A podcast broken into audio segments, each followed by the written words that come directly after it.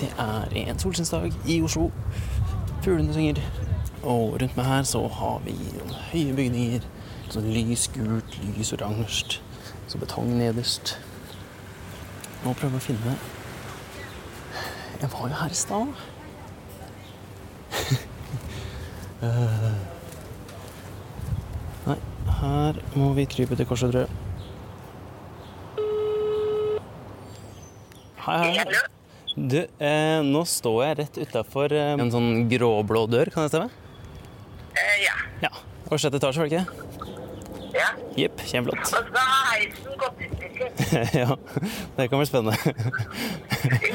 Ja, på meg før jeg hadde fest i går? Å ja, nettopp, ja. ja. Nå skal jeg komme opp, jeg.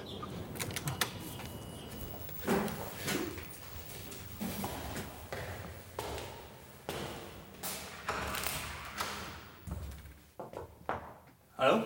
Jeg tok på det, altså. Trimma litt. Hei, Karin. Ja, jeg tok et vannglass til deg. Det trenger du vel etter å ha trimmen her. Definitivt. Og så er det bare pulverkaffe, men du kan velge mellom den og den. Jaså, her er det utvalg. Men eh, bare så jeg kan høre stemmen din litt her nå, kan du bare snakke litt? Eller? Hallo, hallo. Dette er Karin Bakås. Hei sann, jeg heter Simen Strøm Bråten, og du hører på Folk om fortida. Det er podden hvor eldre folk forteller historier om stort og smått fra livet sine. Og i denne episoden her så skal du få en liten bit av norsk musikkhistorie. For eh, Karin Bakås har nemlig blitt kalt Norges ukronede backstage-dronning. Men hun er kanskje mest kjent som Mor Karin. For eh, i 50 år så har hun vært med å arrangere konserter og festivaler, og har farta rundt på utallige turneer og antageligvis vært innom enhver stilling som man kan ha i musikkbransjen, uten å faktisk stå på scenen og spille. Så hun er en skikkelig potet, med andre ord. Men eh, bare for å gi deg et lite inntrykk av hvem Karin er, og hva hun har gjort, så tok vi en kikk på skryteveggen hennes, som eh, ikke henger på en vegg nå lenger, siden hun flytta for ikke så lenge siden. Men hun går heller bort til to gamle stresskofferter som ligger på gulvet. Sånne klassiske Amerikakofferter, vet du. Ja da. Den ene er eh, lyseblå, med klistremerker fra Mexico, Hawaii, New York, Gran Canaria, Canada. Og på innsida så er det sånn elegant mønstra stoff. Her er det suvenirer som vi har fått fra artister som vi jobba med opp gjennom tidene. Og ting hun er litt ekstra stolt av. Så er det sign Sammy Davis signert. Ja vel, ja. Så har jeg fått Jeg var jo med Queen når Freddy levde. Herregud. Og så denne her. Men her har jeg liksom alle de gamle, gamle passa. Den neste kofferten hun åpner, er eh, mørkerød med drøssevis av klistremerker fra ulike turneer hun har vært på. Og eh, sjansen er rimelig stor for at Karin har vært en av mange som får ting til å skje på en eller annen konsert som du har vært på tidligere. Sannsynligvis har hun gått rundt eller vært backstage, som hun pleier, med håret samla i en ball oppå huet, med en rumpetaske, med en kniv og en sånn Maglite-lommelykt, og bare en utrolig løsningsorientert innstilling. Og hun begynner å bla gjennom backstage-passa fra ulike arrangement som har vært på tidligere, og nevner artistene som har jobba med. Her er Stones, eh, Michael ganger Hæ? tre. Og Jackson, ja. Ja. ja, hvem Michael trodde jeg snakka med? Du har snakka om så mange at det er vanskelig å vite. Justin Timberlake. Og den fikk jeg av David Bowie. Som oftest har hun bare slenger ut et eller annet fornavn, og så må jeg heller gjette fram til hvem det kan være snakk om. Men hun legger det ikke fram for å skryte. Det er som bare livet hennes. Det er tilfeldigvis de folka som har møtt, og opplevelsen som hun har hatt. Og når hun holder i noen av de passa, så kan jeg se at hun begynner å tenke tilbake på de minnene som hun har fra den jobben, og at hun trekker litt på smilebåndet i ny og ne. Her er da Det er Springsteen, Santana, Zappa, ABBA. Du har vært med Springsteen en del ganger, altså? Jeg har jobba veldig mye Bruce. Når jeg jobba i LA, så jobba jeg jo for Bruce. Ja. Det er derfor jeg kjenner mora. ja. Det er jo alt. Altså, jeg jobber jo absolutt alt. Her er en liten forsmak, da. Moby, Toto, 50 Cent, Anastasia, Il Divo, Dylan, Coldplay, Metallica Jeg vet ikke hva er engang. Uh, R.E.M., tror jeg. Lionel Richie, Dolly Parton, Britney Spears, Kiss, Guns, Maiden Ja, mye Maiden. Elton, Lauren Hill var første gangen jeg jobbet med henne. Bjørk. Nana Den er, den er jeg stolt av. Nana Moskori. Hvem er det? Gresk sanger. Ok. Randy Newman. Det var koselig. Uh, Cher. Sabbath. Knopfner. Foo. Robbie Williams. Ja, så kan vi holde på. Det er, Virkelig ja, det er alt. alt mellom himmel og jord, altså.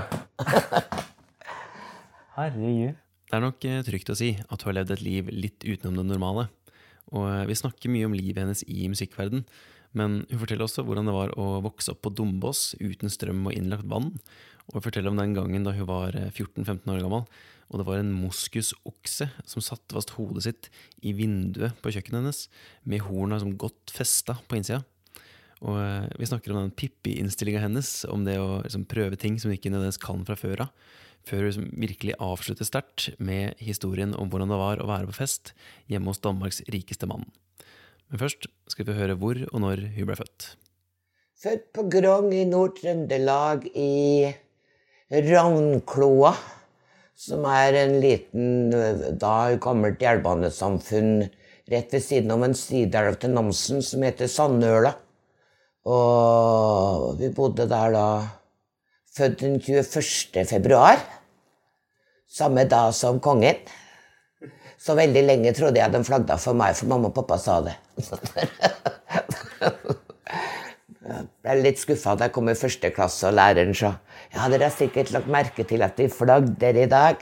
Er det noen som vet hvorfor? Ja, Karin. sånn. Det er fordi jeg har bursdag. Ja, veldig diplomatisk lærer, da. Jo, sikkert det også, Karin. Men altså, det er mest da av kronprins eh, Harald har eh, bursdag i dag. Og så fornærma jeg kom hjem til mamma, altså. Du har bløffa meg. hvilket årstall blir det egentlig? Eh, 52 pluss eh, Da blir det 59. Ja, jeg, for, ja, du er født i Da gikk jeg første klasse på Dombås. Ja, du nevnte det her eh, så vidt i stad, men ehm, eh, der hvor du vokste opp eh, på Dombås, kan ikke du fortelle litt eh, om det der? For altså, det var jo litt eh, andre kår enn det man kanskje tradisjonelt sett har i dag, da. Det kan man trygt si.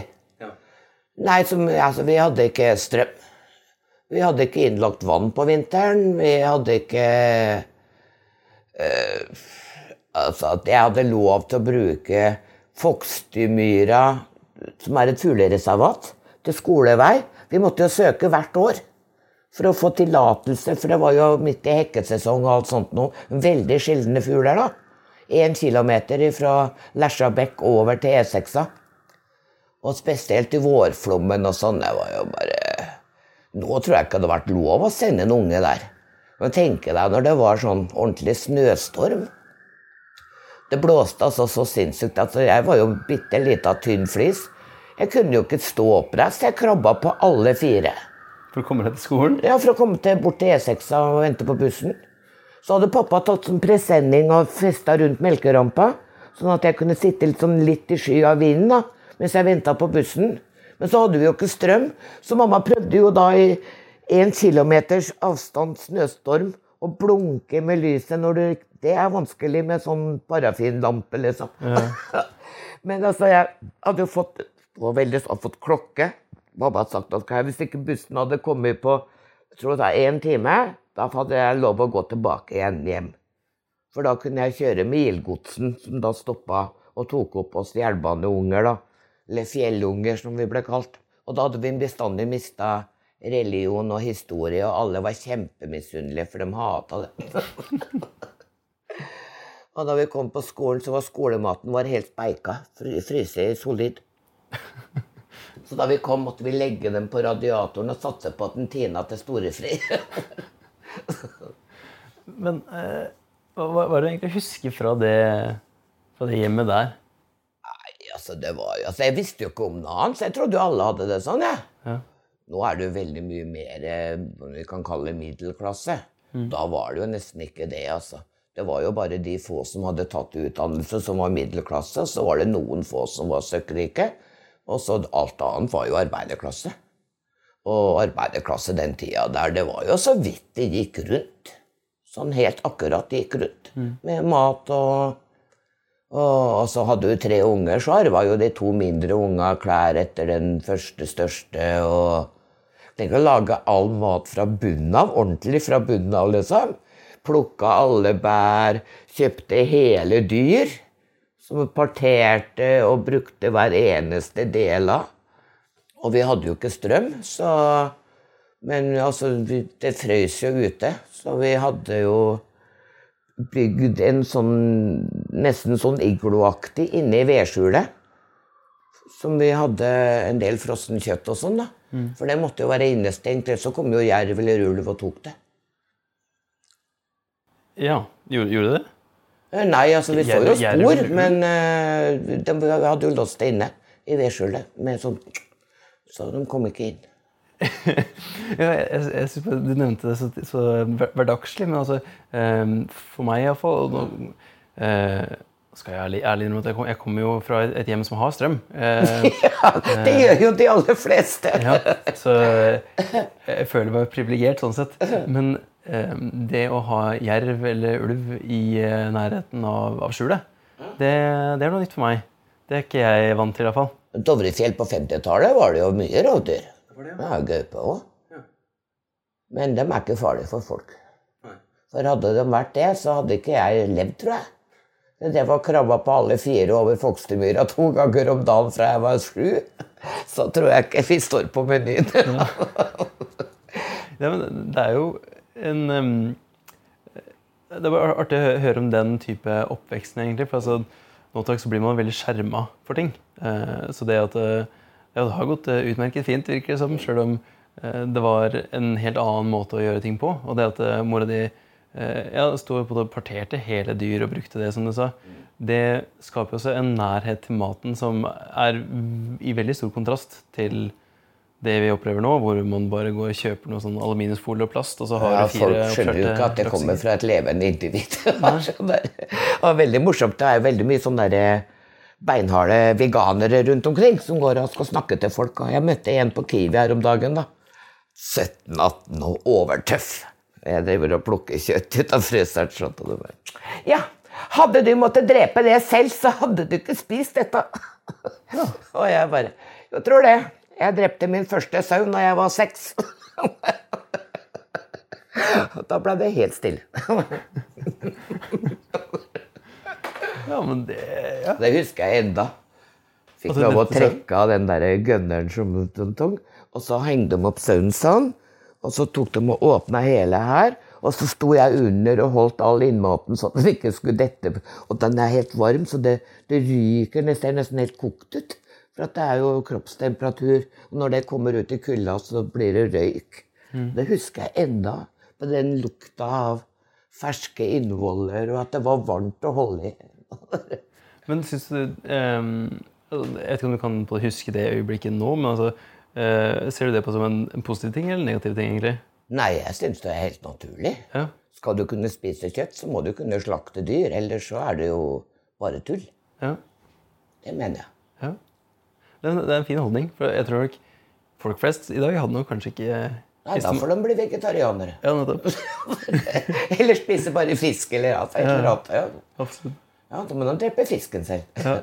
Men fra, fra Dombås og, og videre, eh, hvor, hvor tok det egentlig veien for deg da?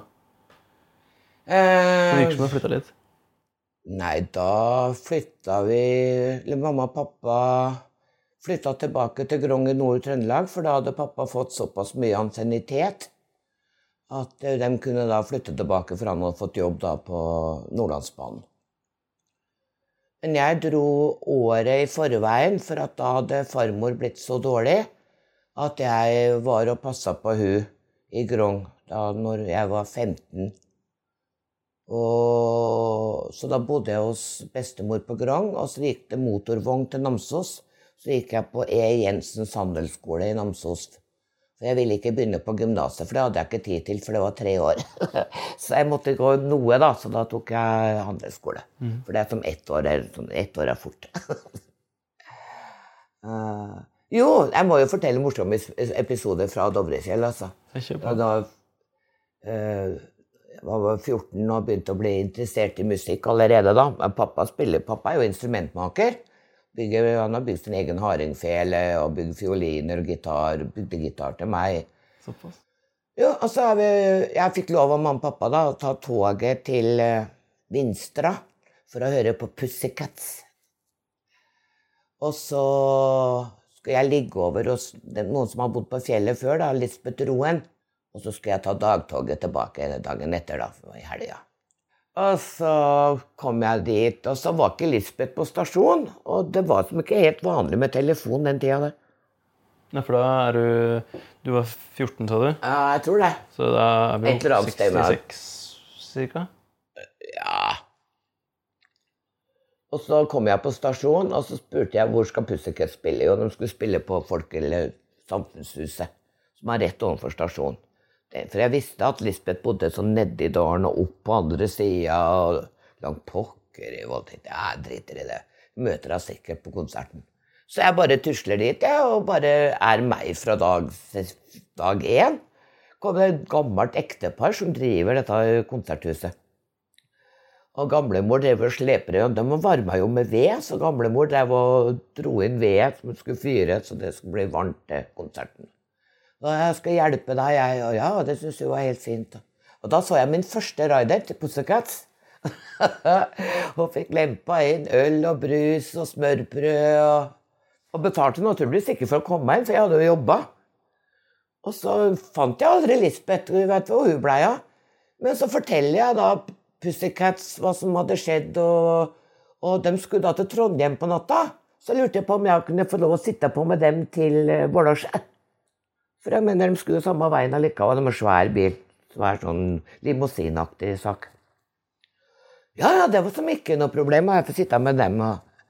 Så da vi kom, og da var jo mamma på sykehuset, for hun skulle Før lillesøstera mi, var det vel. Så da var farmor der og passa på huset mens mamma var på sykehuset. og så, Dette er jo lenge før det er sånn dag og natt bensinstasjoner, så gutta bare stikker på. Du kan ikke bli med deg hjem og få en kopp kaffe, liksom. Det hadde vært fint. Jo, så det går helt greit.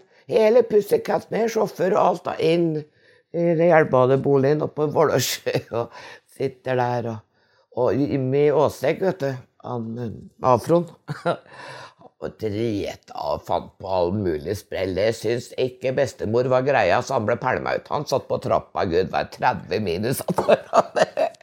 Og resten av bandet inne med nystekte vafler. Og så, fulgte jeg dem bort, for at det var så snøstorm at de så jo ikke en dritt. Så jeg fulgte dem bort til bilen. og, Og tok med spade i tilfelle den hadde blåst ned litt, og fikk dem av gårde. og så, ja, Første bandet jeg hadde med hjem, det var Pussycats. Ikke å si første bandet du hadde med hjem. ja. Etter det så blei det en vane. Det blei jo stopp. Ja. blei jo stopp der, altså. For at eh, Som sagt, det var jo ikke noen dag og natt bensinstasjoner. Så hvis du starta fra Oslo og skulle til Trondheim, så hadde du enten kaffe på termosen, eller så fikk du ikke noen. Nei. Med mindre du liksom da kjente Karin og kunne stikke innom på Dovrefjella. På sommeren så hadde jo Dovregubben sal, men den er jo stengt på vinteren. Men alle disse opplevelsene her sånn eh, Vil du si at musikkarrieren din både starter med den eh, Pussycats-erfaringa der? Eller hvordan, hvordan kom du egentlig inn i miljøet? Nei, jeg tror egentlig det kommer litt ifra øh, at jeg reiste med Arnardo fra jeg var tolv. Fikk lov av pappa og mamma å reise med Arnardo når jeg var tolv i skoleferien. Hvordan kom du inn på sirkuset egentlig? Nei, for pappa Pappa er jo, pappa er jo meg. Altså, Jeg har arva utseendet av mamma, og så har jeg arva resten av pappa. Pappa snakker jo med alt og alle hele tida, og deriblant så kjente han jo veldig godt dem som eide Dombås eh, turisthotell. Og stor, De hadde jo stor utmark som ikke ble brukt til noe, for at de levde jo av hotell og ikke av gårdsdrift. Så de, og sirkus er bestandig på leiting etter et sted hvor de kan liksom ha en ukes ferie.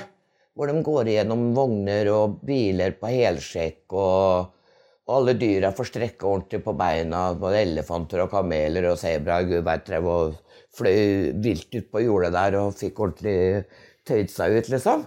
Og så ble det trådd at de fikk lov å være der en uke da under sesongen. Ja. Og da bodde jo jeg der naturligvis, da, som elsker dyr og alt nytt. Og så, eller året jeg var tolv, så hadde de med Angelica Buchler, som var sånn sirkusprinsesse fra Hun kom fra Leipzig, da i Tyskland, Og rei på elefant med tiara og ballettskjørt. Og jeg var så misunnelig. Og så blei jo vi kjempevenner, og, jeg har bestandig hatt veldig språkøre, så det tok meg veldig kort tid å skjønne som vanlig tysk. Og så når de skulle dra, så både gråt jeg og hun, og så snakka pappaen hennes med Arne, og så snakka Arne med pappa, så snakka med mamma. Og etter mye om og men så fikk jeg lov å bli med da i skoleferien. Yes. Så da lærte jeg jo veldig lynkurs på at man må aldri, med strek under, aldri gå inn det hølet det koster penger. Det er bare tull. Du må gå inn et andre hølet, for da får du penger. Eh, Hvilke høl tenker du på nå? Det er jo publikum kommer. Ja. Må aldri gå inn, det koster jo noe. Må gå inn det andre hølet, der hvor artister går inn, for da får du penger istedenfor å betale. Ja. Så jeg kan ikke skjønne hva folk driver og holder på med som driver og går inn det andre hølet. Bare tull. Og, og siden har du alltid gått inn det andre hølet? har aldri gått inn det andre hølet. Bare tull. Ja, jeg fikk jo faktisk Jeg drev og flytta her, vet du. Så rydda jeg jo litt, og da fant jeg Skal vi se om jeg finner igjen ja, Her er. Her, Jeg fant autografen etter Kaiser. Jeg visste ikke at jeg hadde den engang. Jeg har jo vært turnémamma til Kaiser, vet du. Ok. Turnémamma? Ja. Er, det sånn, er det det begrepet du går etter? Ja, jeg veit ikke hva det heter, jeg. Det er sånn Fikk kort fra Arnardo. Ja, men eh, Er det her faktisk Arnardo? Ja, les, okay. les bak. Skal vi se Om du skulle være mer interessert i kassajobb etc. 1980-sesongen hører jeg gjerne fra deg om betingelser eh, osv. Du, du kjenner gamet med hilsen Arnardo. Til Karin bak oss. ja, for jeg, jeg visste egentlig ikke at Arnardo var norsk. Jeg, jeg bare altså, jeg har jeg Fredrikstad. Han er fra det? Ja, for han ser jo ganske amerikansk ut eh, avstand. Med disse kotelettene Og litt Las Vegas-preg der òg, du. Ja. Men eh, altså, når du hoppa innom altså, Du har vært eh, med Arnardo på, på sommerstider mens du var eh, fra 12 til Det var jo lynkurs. Jeg lærte jo alt, da. Altså, Du lærte liksom å ri, du lærte dyrehold, du lærte å selge program, lærte å selge popkorn, lærte å takle drita folk, eh, grinende unger, kjøre følgespott, eh, koble campingvogner til og fra, måle opp plassen til teltet, lære vatring til teltet, Ja. som er veldig godt brukt til scener nå for tida, da, blant annet. Så det var jo lynkurs, det, altså. Ja, det er kult at du kan se tilbake på det som en sånn her, eh, ganske direkte sånn Her lærte jeg mye av det som du har brukt siden. Å ja. Ja. Altså, det er jo, reisende er jo reisende. Om du reiser med Stones eller med er jo egentlig Det eneste forskjellen er at uh, du ikke har dyr. Det er vel den eneste forskjellen, tror jeg. Ja. Nei, for du kommer jo til et sted, måler opp, setter opp uh, scene eller telt. Gjør forestilling og er konsert, pakker det sammen og drar videre. Og det gjør du jo uansett om det er konsert eller sirkus. Men jeg lurer på er, eh, er det lettere å håndtere dyr eller eh, artister med litt sånn eh, Ja, det kommer litt an på hvem. Ja. Men eh, når, du, når det her er eh, Altså, du tilbringer var det sommeren med Arnardo. Skoleferie. Ja, nettopp. Og, og det begynner å bli litt av den normen din, litt av det som er vanlig for deg i sommeren. Ja. Eh, merker du at du, da gradvis begynner å skille deg kanskje litt mer fra den eh, A4 Ja, men jeg har jo aldri vært noe ferie pga. den oppveksten på Dovrefjell. Ikke sant? For jeg mener, vi, det skjedde veldig mye rart oppå der, altså. Som jeg altså husker det var konfirmasjonen min. Da, for vi, da hadde vi flytta fra nei, fra Lesjabekk, hvor alt var fyra på, på ved. Da vi kom til Lesjabekk, som var vist seg ved Dovregubbens hall, så hadde vi fått aggregat. Så vi måtte sveive i gang. Og da fikk vi lys av det. Men det var ikke nok, det var ikke nok strøm til noe annet enn lys. Av lys og TV og radio. For da hadde vi fått TV. Husker jeg at TV vi satt liksom Det var program fra seks til ti. En kanal, da. Og da satt alle rundt og så på det fire timer. Såpass, ja. Sort og hvitt. ja. Helt klistra? Ja. Ja. Da var jeg Jeg tror jeg var tolv første gangen vi fikk TV. Uh, hadde fremdeles da telefon med morsesignal. ja. Hva var den der eh, Var det hjemnummeret deres, eller Én lang, én kort og to lange. Men hvordan eh, funker det egentlig der? For altså, morse er eh, noe jeg gjerne skulle egentlig lært meg. Men bare det her har jeg ikke nok kunnskap om. SOS, for eksempel. da. Ja, Tre det korte, tre lange og tre korte. Ja. Jo, det må jeg fortelle var konfirmasjonen min. ja. Og så står mamma har fått sånn propan til å lage mat på. Så hun skulle slippe å, fyre på, på sommeren, for det ble så varmt. Så hun hadde fått propan. Mamma var så slem. Så hun skulle på gassen først, og så gikk hun og lette etter fyrstikker. ja. Og jeg sa til mamma og pappa og det er sånn der, du må slutte med det, sant? for det her kommer til å smelle en eller annen gang. Mamma nei, det er pappa sin feil. Jeg har fyrstikker, men pappa røyka sånn. Så han, var og, han klarte aldri å finne fyrstikker, så rappa han mamma sine. Og så mamma og der røyker fyrstikker, og så gikk jeg og tenkte det her kommer til å gå til helvete en dag. altså. Så er jeg oppe på loftet. Det var altså både farmor og mormor, altså hele slekta var der pga. konfirmasjonen min. Så hører jeg mamma ville hyle på kjøkkenet. Ok, nå har hun klart det, nå har hun tent på seg sjæl. Og jeg hopper ned til lafttroppa på to hopp. Braser inn på kjøkkenet, og så mamma ser ut som en amerikansk dame. Oh my god! Med komfyr, liksom. Og da en moskus som måtte stikke huet inn gjennom det var Gamle kjøkkengardiner er sånn kjøkkenvaier. Ja. Som en sånn skru på begge sider. Og så er det sånn kappe øverst. eh, Sant? ja. Og så hadde den klart å få huet inn gjennom der. Og så hadde den hekta horna fast i Så han kom ikke ut. Så han satt fast, for de skrua gikk jo andre veien. Sant?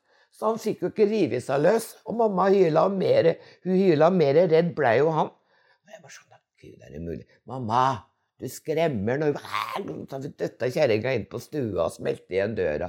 Sånn, for det er samme som når elefanter ble litt urolige. Alle dyr reagerer hvis du sånn går helt sånn dypt. Det er, det er noen naturtoner sånn mm, mm, mm. Og prøver liksom å være rolig, puls rolig og alt. Da får du altså, store dyr til å roe seg. Og det funka på han òg. Så jeg kunne komme bort uten at han var helt propell, og fikk hekta løst i hornet så han kom seg av gårde. Hvor gammel Da er du 15, da? ja, jeg var jo flytta 14, da. Ja.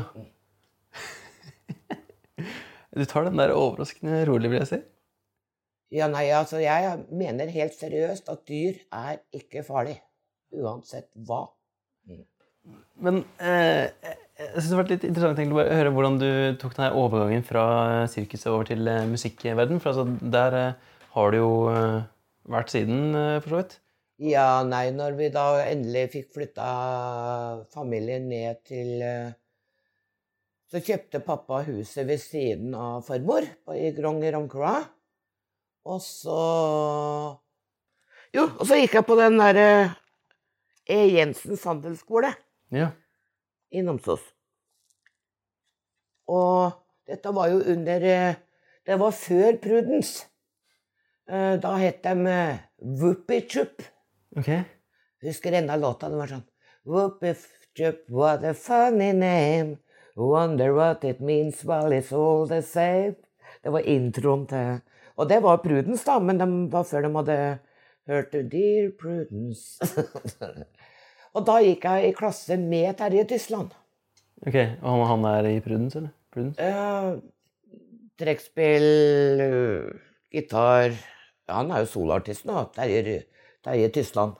Men da har jo jeg allerede begynt å reise med Prudence, da.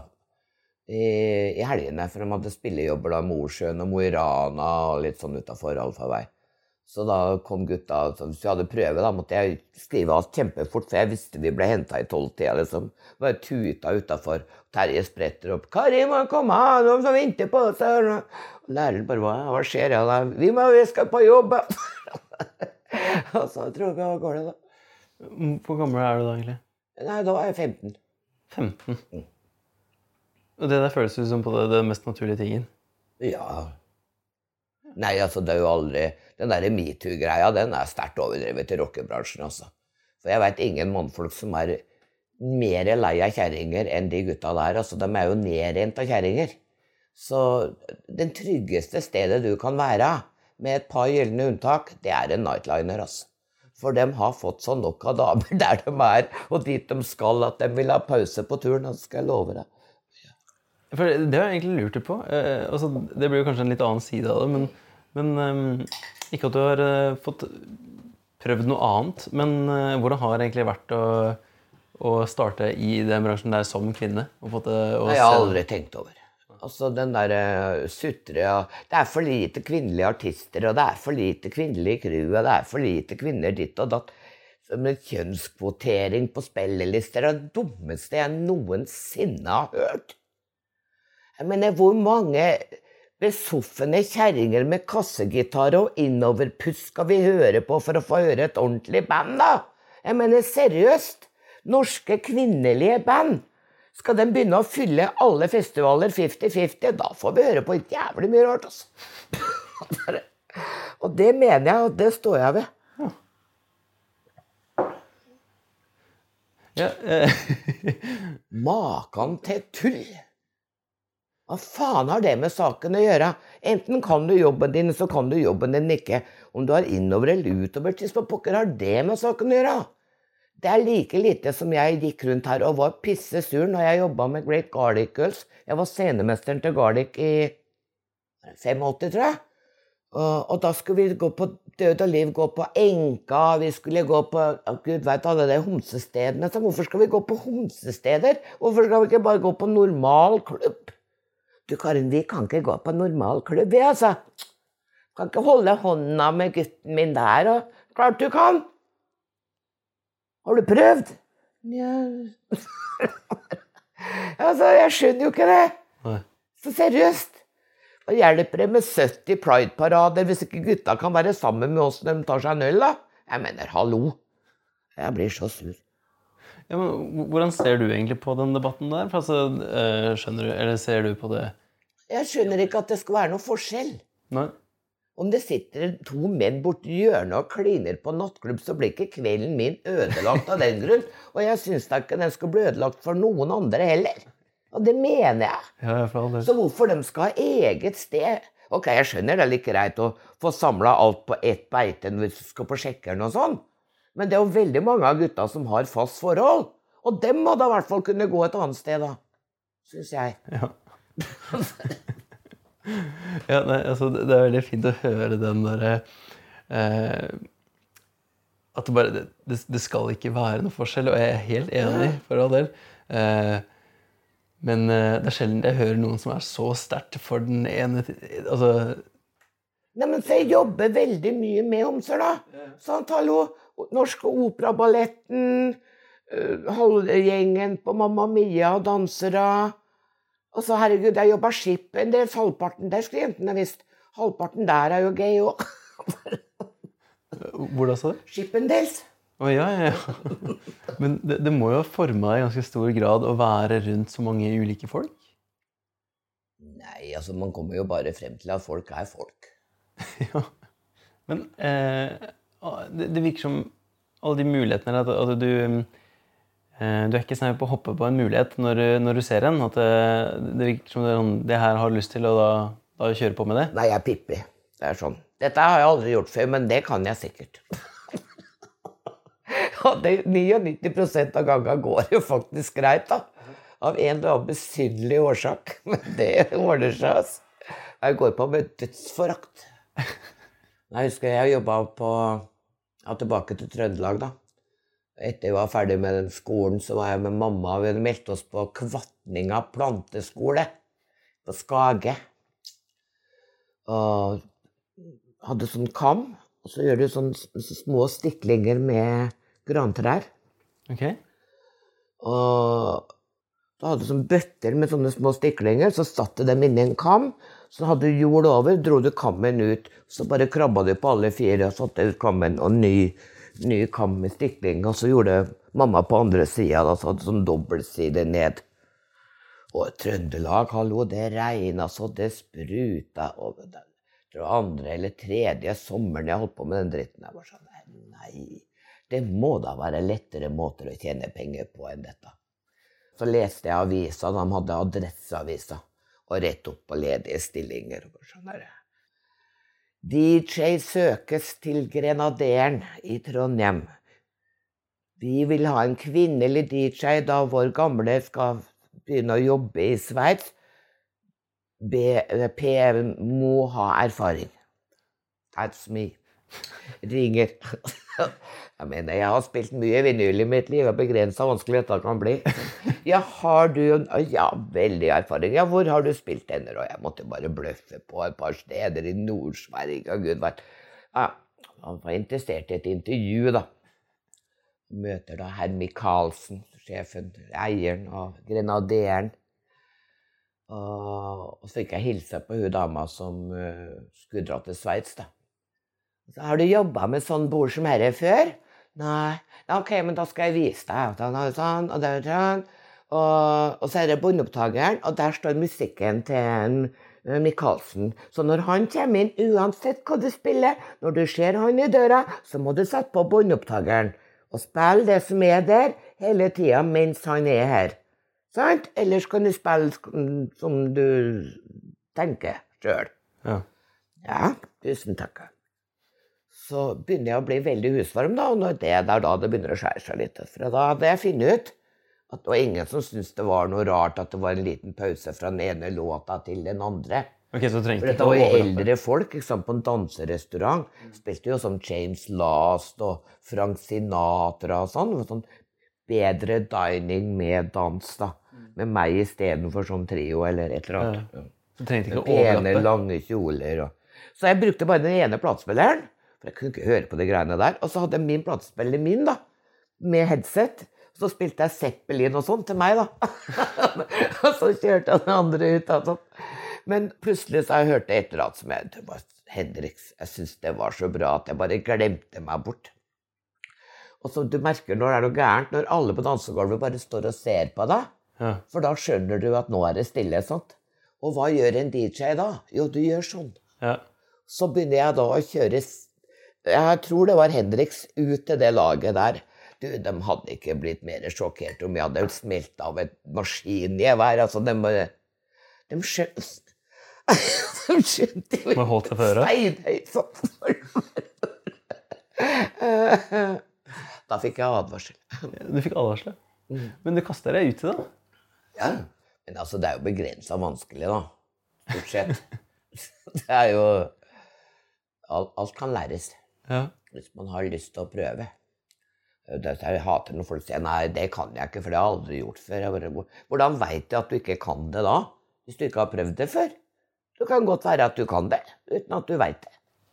Ja, for eh, Sånn som jeg har forstått det, altså, du har jo vært innom veldig mange ulike roller innafor eh, Jeg vet ikke om det er en sånn overordna begrep her, men altså eh, Innafor dem som hjelper musikerne til å få musikken ut til publikum på en konsertsetting. Da har du vært innom de aller fleste. Ja. Ja. Um, og, og du har jo turnert rundt med eh, altså Da jeg snakka med deg på telefon, så tror jeg du bare tilfeldigvis nevna jeg vet ikke, 10-15 av de største bandene fra de siste 50 åra. Eh, så du, du har jo eh, ja, vært eh, rundt mange mm, store band. Eh, men, og har det virker som du da har tatt med den der innstillinga om at eh, ja, den Pippi-innstillinga om at eh, det, det her eh, har jeg ikke gjort før, så det skal jeg så klart få til. Yeah. Eh, at du har tatt med den inn i eh, situasjoner som også kan kanskje ses på som som viktige. Men eh, har du tenkt på det? At sånn, nå er det press, eller er det noe at du eh, kaster ut likevel, eller? tenker ikke sånn, altså. Nei. Nei, altså du For det første, man må liksom ha en innstilling når, med jobben min. Det er eh, veldig viktig at man husker at folk er folk. Ikke noe sånn at ah, 'nå kommer bandet, og nå må jeg sminke meg', nå, stå og bukke og sånn. Så Folk er folk. Mm. så det eneste forskjellen på et band og meg, det er at de kan gå på scenen og spille. og Det kan ikke jeg. Men så lenge vi er på samme bakken, så er vi på samme nivå. Men ok, de er amerikanere eller engelskmenn stort sett. Og da gjelder amerikansk og engelsk høflighet. Som vi ikke eier et snev av i Norge. I Norge ville en nordmann ville falle død om før han sier unnskyld eller takk eller vær så god. Hvilket er helt naturlig en del av dagligtalen i England nå i statene. Altså, de kan ikke se noe uten å si 'Oh, I'm so sorry'. Nice to meet you, sir. Thank you very much, sir.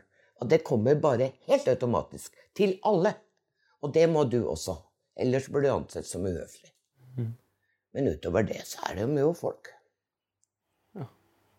Men eh, jeg tenker at Det at du har vært innom så mange ulike sider av musikkbransjen, sånn sett, det må jo gi deg en veldig respekt for eh, de folka som du jobber rundt. Og ikke bare eh, det er jo når, eh, når man drar på konsert, så ser man jo f.eks. vokalisten, eller man ser bandet, eller man ser den artisten som har kjøpt billett for å egentlig se. Um, så den blir jo litt sånn eh, glorifisert uh, der de står på scenen. Men samtidig så er det jo en ja, en veldig stor mengde en veldig stor mengde med folk som uh, står der og har stelt i stand alt og har fått det til å skje. Og da, da kommer vi tilbake til altså, altså hele crew, crew det er som, som eh, ja, bare skaper den ganske magiske opplevelsen der. Eh, og jeg tenker at Det at du har vært innom alle de yrkene, eller alle de rollene, det må jo gi deg en større forståelse for hva de eh, blir utsatt for, enten om det er fysisk eller hva enn det er. Å ja, jeg er jo gæren. Men altså, det, det er jo et system i galskapen, ikke sant? Det er jo en Altså, en storkonsert er jo en militær presisjon. Altså, det er jo som å innta en, et nytt land. Altså, alt er planlagt. Du har blant annet eh, masse ting ikke folk vet. Som eksempel, vi har en egen mann som kun har ansvar for hvordan busser og trailere skal parkere. Det har han gjort klart i Tyskland fem dager før de kommer til Oslo. Da veit han hvordan parkeringsplassen på Telenor ser ut. I hvem rekkefølge de kjører inn med utstyret, hvem rekkefølge de skal ut med utstyret. Alt det er planlagt en uke i forveien. Og det blir gjort akkurat med militær presisjon. På minuttet når det er planlagt at det skal skje. Bortene går opp klokka halv sju. Da står første bilen klar. Kjører inn. Oslo du står ferdig. Tolv mann per bil. Ut med rampa, og da er vi så heldige på Telenor at det er plass til kanskje Jeg tror det meste vi har kjørt, er vel åtte semis med lasterampe, som da blir tømt samtidig. Og til sammen med stålet så er vi vel oppe i Storkonsert er vel oppe i 49 semis. Ja. Av 44 tonn. Som da skal opp på én dag og ned på natta. Så det er 44 tonn per semitrailer? Ja. Sånn rundt regna. Dæven. Alt dette skal Og bæres inn. alle, alle veit eksakt hva man skal gjøre. Det er det første man lærer i internasjonal rock. Det er ikke tenk selv. Det sekundet du begynner å tenke selv, da går det rett vest. Du må gjøre akkurat det du har fått beskjed om. Verken mer eller mindre. Akkurat det du har fått beskjed om. That's it. For hvis alle gjør det, så er det som et gedigen kinderegg uten bruksanvisning som står der og så går det ned igjen. Altså, når bandet går på, da begynner vi å rive. Ellers hadde det ikke gått an å flytte hver dag. Men eh, hvordan er det egentlig å møte altså, de eh, Spesielt når det er band som du enten har turnert med, eller som du, du eh, ikke ser ofte av rent geografiske grunner. Eh, når du da kan møte dem igjen etter fem år eller noe, og ikke bare at de kjenner deg igjen, men at dere på en måte har et slags sånn forhold, så dere bare kan fortsette der hvor dere slapp. Ja, ja. Hvordan føles Helt det? uten problemer. Det er eh, Nei, dem kjenner jo igjen meg, og jeg kjenner jo igjen dem. Og det er ikke bestandig de husker hva jeg heter, men altså, jeg har jo bestandig denne når jeg jobber, da. Ja. For jeg vil ikke ha hår hengende. Da er den hårballen oppe på Ja. toppen. Så det kjenner de jo igjen med en gang. Og så er det jo veldig få som gjør den jobben her i min alder, da. Jeg blei jo ordentlig pensjonist nå i februar. Så, jeg- men jeg er jo fremdeles en ungsau i forhold til noen av de banda, da. Så, men eh, Så det blir jo familie. Jeg blir jo ordentlig lei meg når noen gutta dør. Som for eksempel, jeg jobba jo Mamma Mia med Jackson blant annet. da. Og da fikk jo jeg telefon, så jeg var vel bortimot den første i Europa, tror jeg, som fikk høre at Michael var død. Og jeg fikk ikke lov å si det til noen, for det gikk gjennom normale, den normale greia. da. Og da husker jeg vi satt på Politikeren, som der vi hadde klart å ordne billig pris på ølen da når vi kom fra jobben på Folketeatret. Vi var ute og drakk hver dag etter jobb. sånn. Og da husker jeg jeg satt for meg sjæl på et bord helt borterst, og tåra bare rant. Og alle 'Karin, hvorfor er du så lei deg? Har du vondt noe sted?' Og jeg bare 'nei'. Og den bare 'ok'. Og så tikka det vel inn på nyhetene sånn da før vi, før vi dro fra det utestedet. Og da skjønte de hvorfor jeg var lei meg. For de visste jo at jeg hadde jobba med Michael. For du knytter jo um, Du er jo Det er barna mine. Altså, jeg har ingen egne barn. Så all den normale kjærligheten en mor vil gi sitt barn, det gir jeg jo mine barn. På godt og på vondt. Jeg er en streng, men rettferdig mor. Ja, for eh, det var faktisk eh, en ting som jeg hørte om i forkant her, at eh, du blir vel kalt for mor Karin. Ja. Det er vel eh, derfor at eh, du Jeg vet ikke om du omtaler dem som, eh, som barna dine? Ja, nei, det har har jo gått begge veier. Men altså, altså, det er jo beste måten å forklare jobben min på. Altså, jeg skal jo sørge for at de legger seg til normal tid. Og gjerne ikke for drita. Minner dem på at de har intervju neste morgen. Vekking. At de betaler ekstra i resepsjon. Gjør idiotsjekken på hotellrommet, så bestandig glemt et eller annet sånt. Ja, og så sørge for at de får ordentlig helsosam mat. At uh, hvis vi har så tidlig avreise at frokosten på hotellet ikke har starta enda, inngå en deal med hotellet at det går an å få en litt enklere frokost. da, Bare brød og ost og kaffe og te, liksom. Bare vi får i oss et eller annet før vi går på bussen. Og ja, at de har rene, pene og hele klær og går som ikke lukter vondt. Ja, og så er det da alle de uskrevne regler. Alle damer på bussen og du veit. Nei, ikke egentlig. Nei, det skal ikke være damer på bussen. Det er eh, uflaks på lik linje med å ha damer på fiskebåt. Ok. Men eh, det, er lov hvis vi har konedag. For at da kan konene liksom jobbe sammen mens gutta jobber. For da med én og én kone så blir hun liksom bare litt ute i allfarvei. For at du de, de, de kan ikke rutinen på turneen, da. Nei, men eh, eh, bare for å gå mot en slags avslutning altså, når, du, eh, når du sitter her nå og du eh, Du nevnte at du, du har jo gått eh, Du er vel egentlig i Ja, ble pensjonist i februar. Mm. Men du lever ikke akkurat pensjonistlivet ennå? Nei, jeg lever akkurat som jeg bestandig har gjort. det. Ja. Altså, Jeg har jo kutta ned litt på arbeid. da. Før så jobba jeg jo veldig mye i sentrum og Rockefeller og til og med John D. Og... Men nå er jo stort sett bare storkonserter. da. Spektrum og Telenor og Hovin. For eh, sånn gående framover da, hva, hva er det du egentlig ser fram til? Nei, jeg kommer jo til å jobbe til jeg stuper, tror jeg. Rett og slett. Det er min pensjonsplan. og jeg har jo sjefer som syns det er greit. Heldigvis. Det er jo heldig der. Mm. Ja.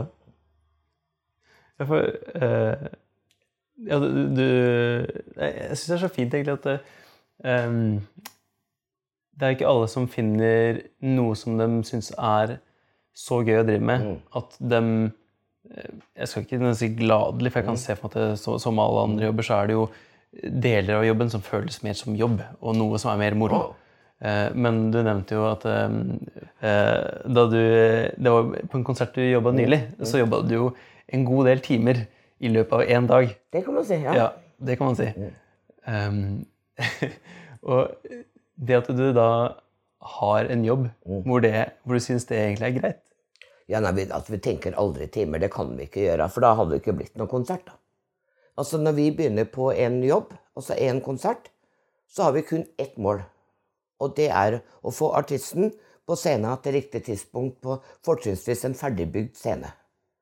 I klær som er stryket og reine. Med lys og lyd som funker. Og at forhåndsvis da publikum koser seg, og at alle er trygge sikkerhetsmessig. Både band og publikum. Det er et generelt mål. Og etter det så prøver vi da å, å ta alle rekorder på å pakke sammen. Det er liksom Det er en egen sport. Ja. Uh, nei, altså det Nei, altså det er jo en helt egen rase.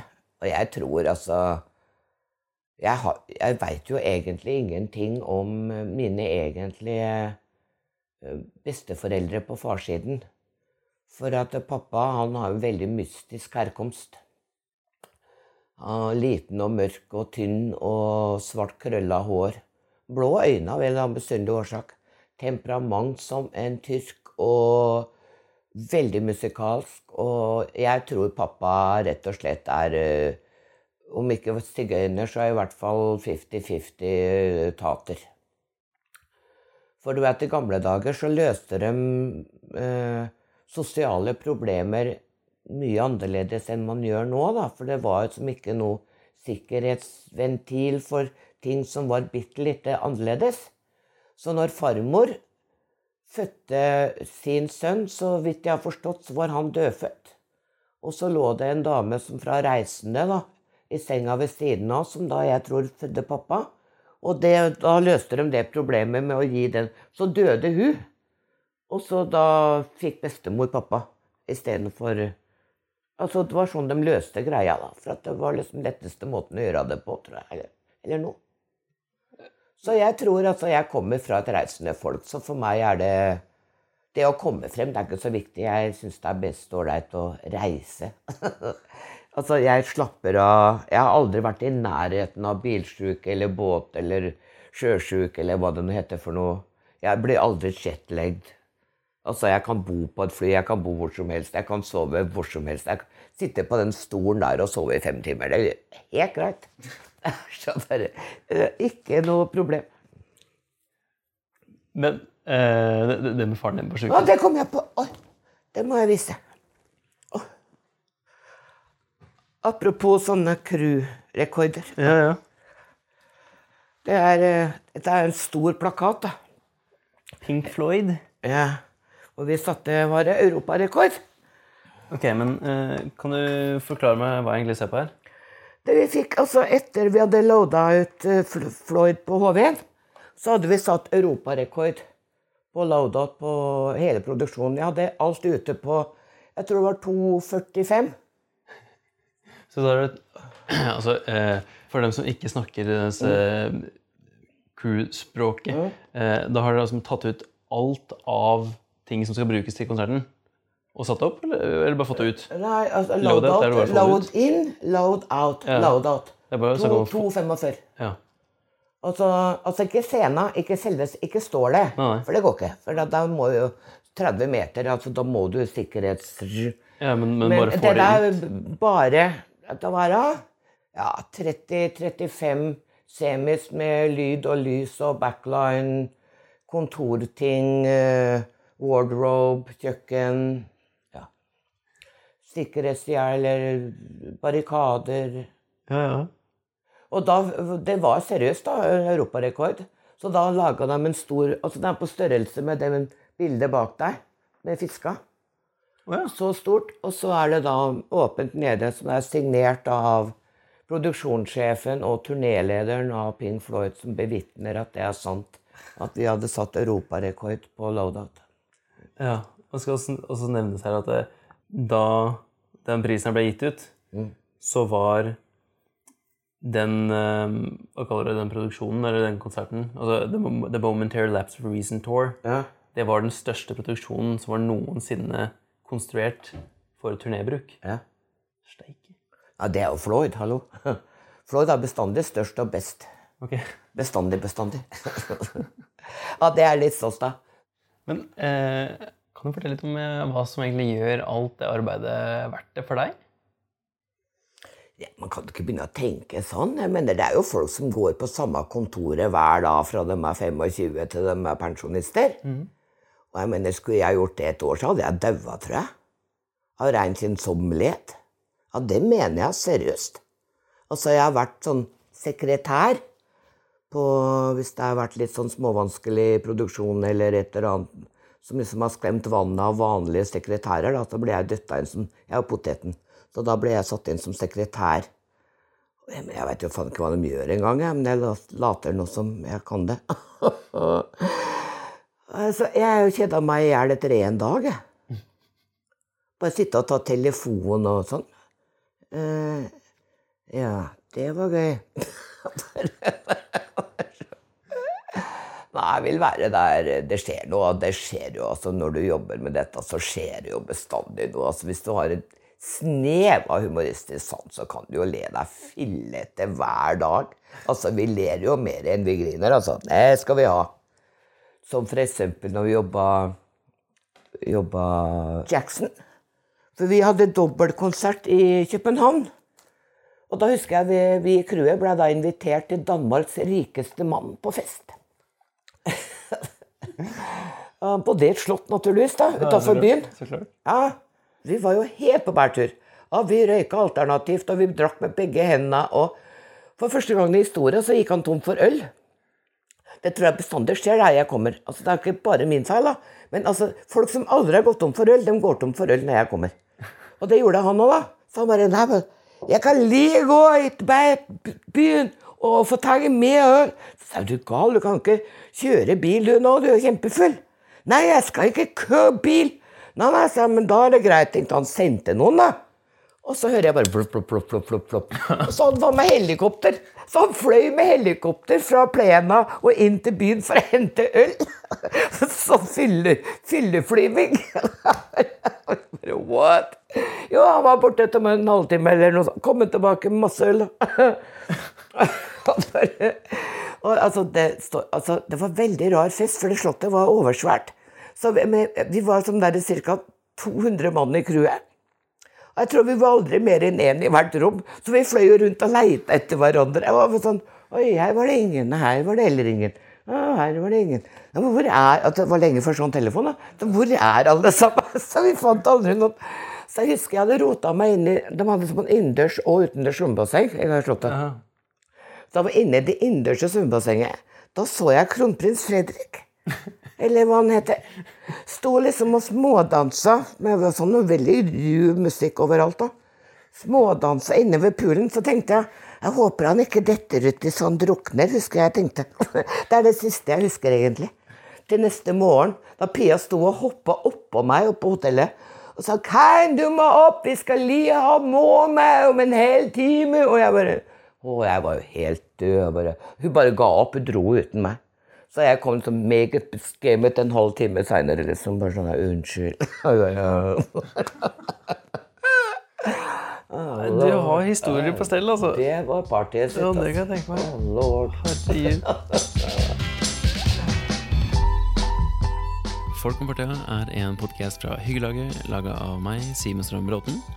Og hvis du ikke har gjort det allerede, så kan du hoppe over til Instagram og følge Folk om fortida der.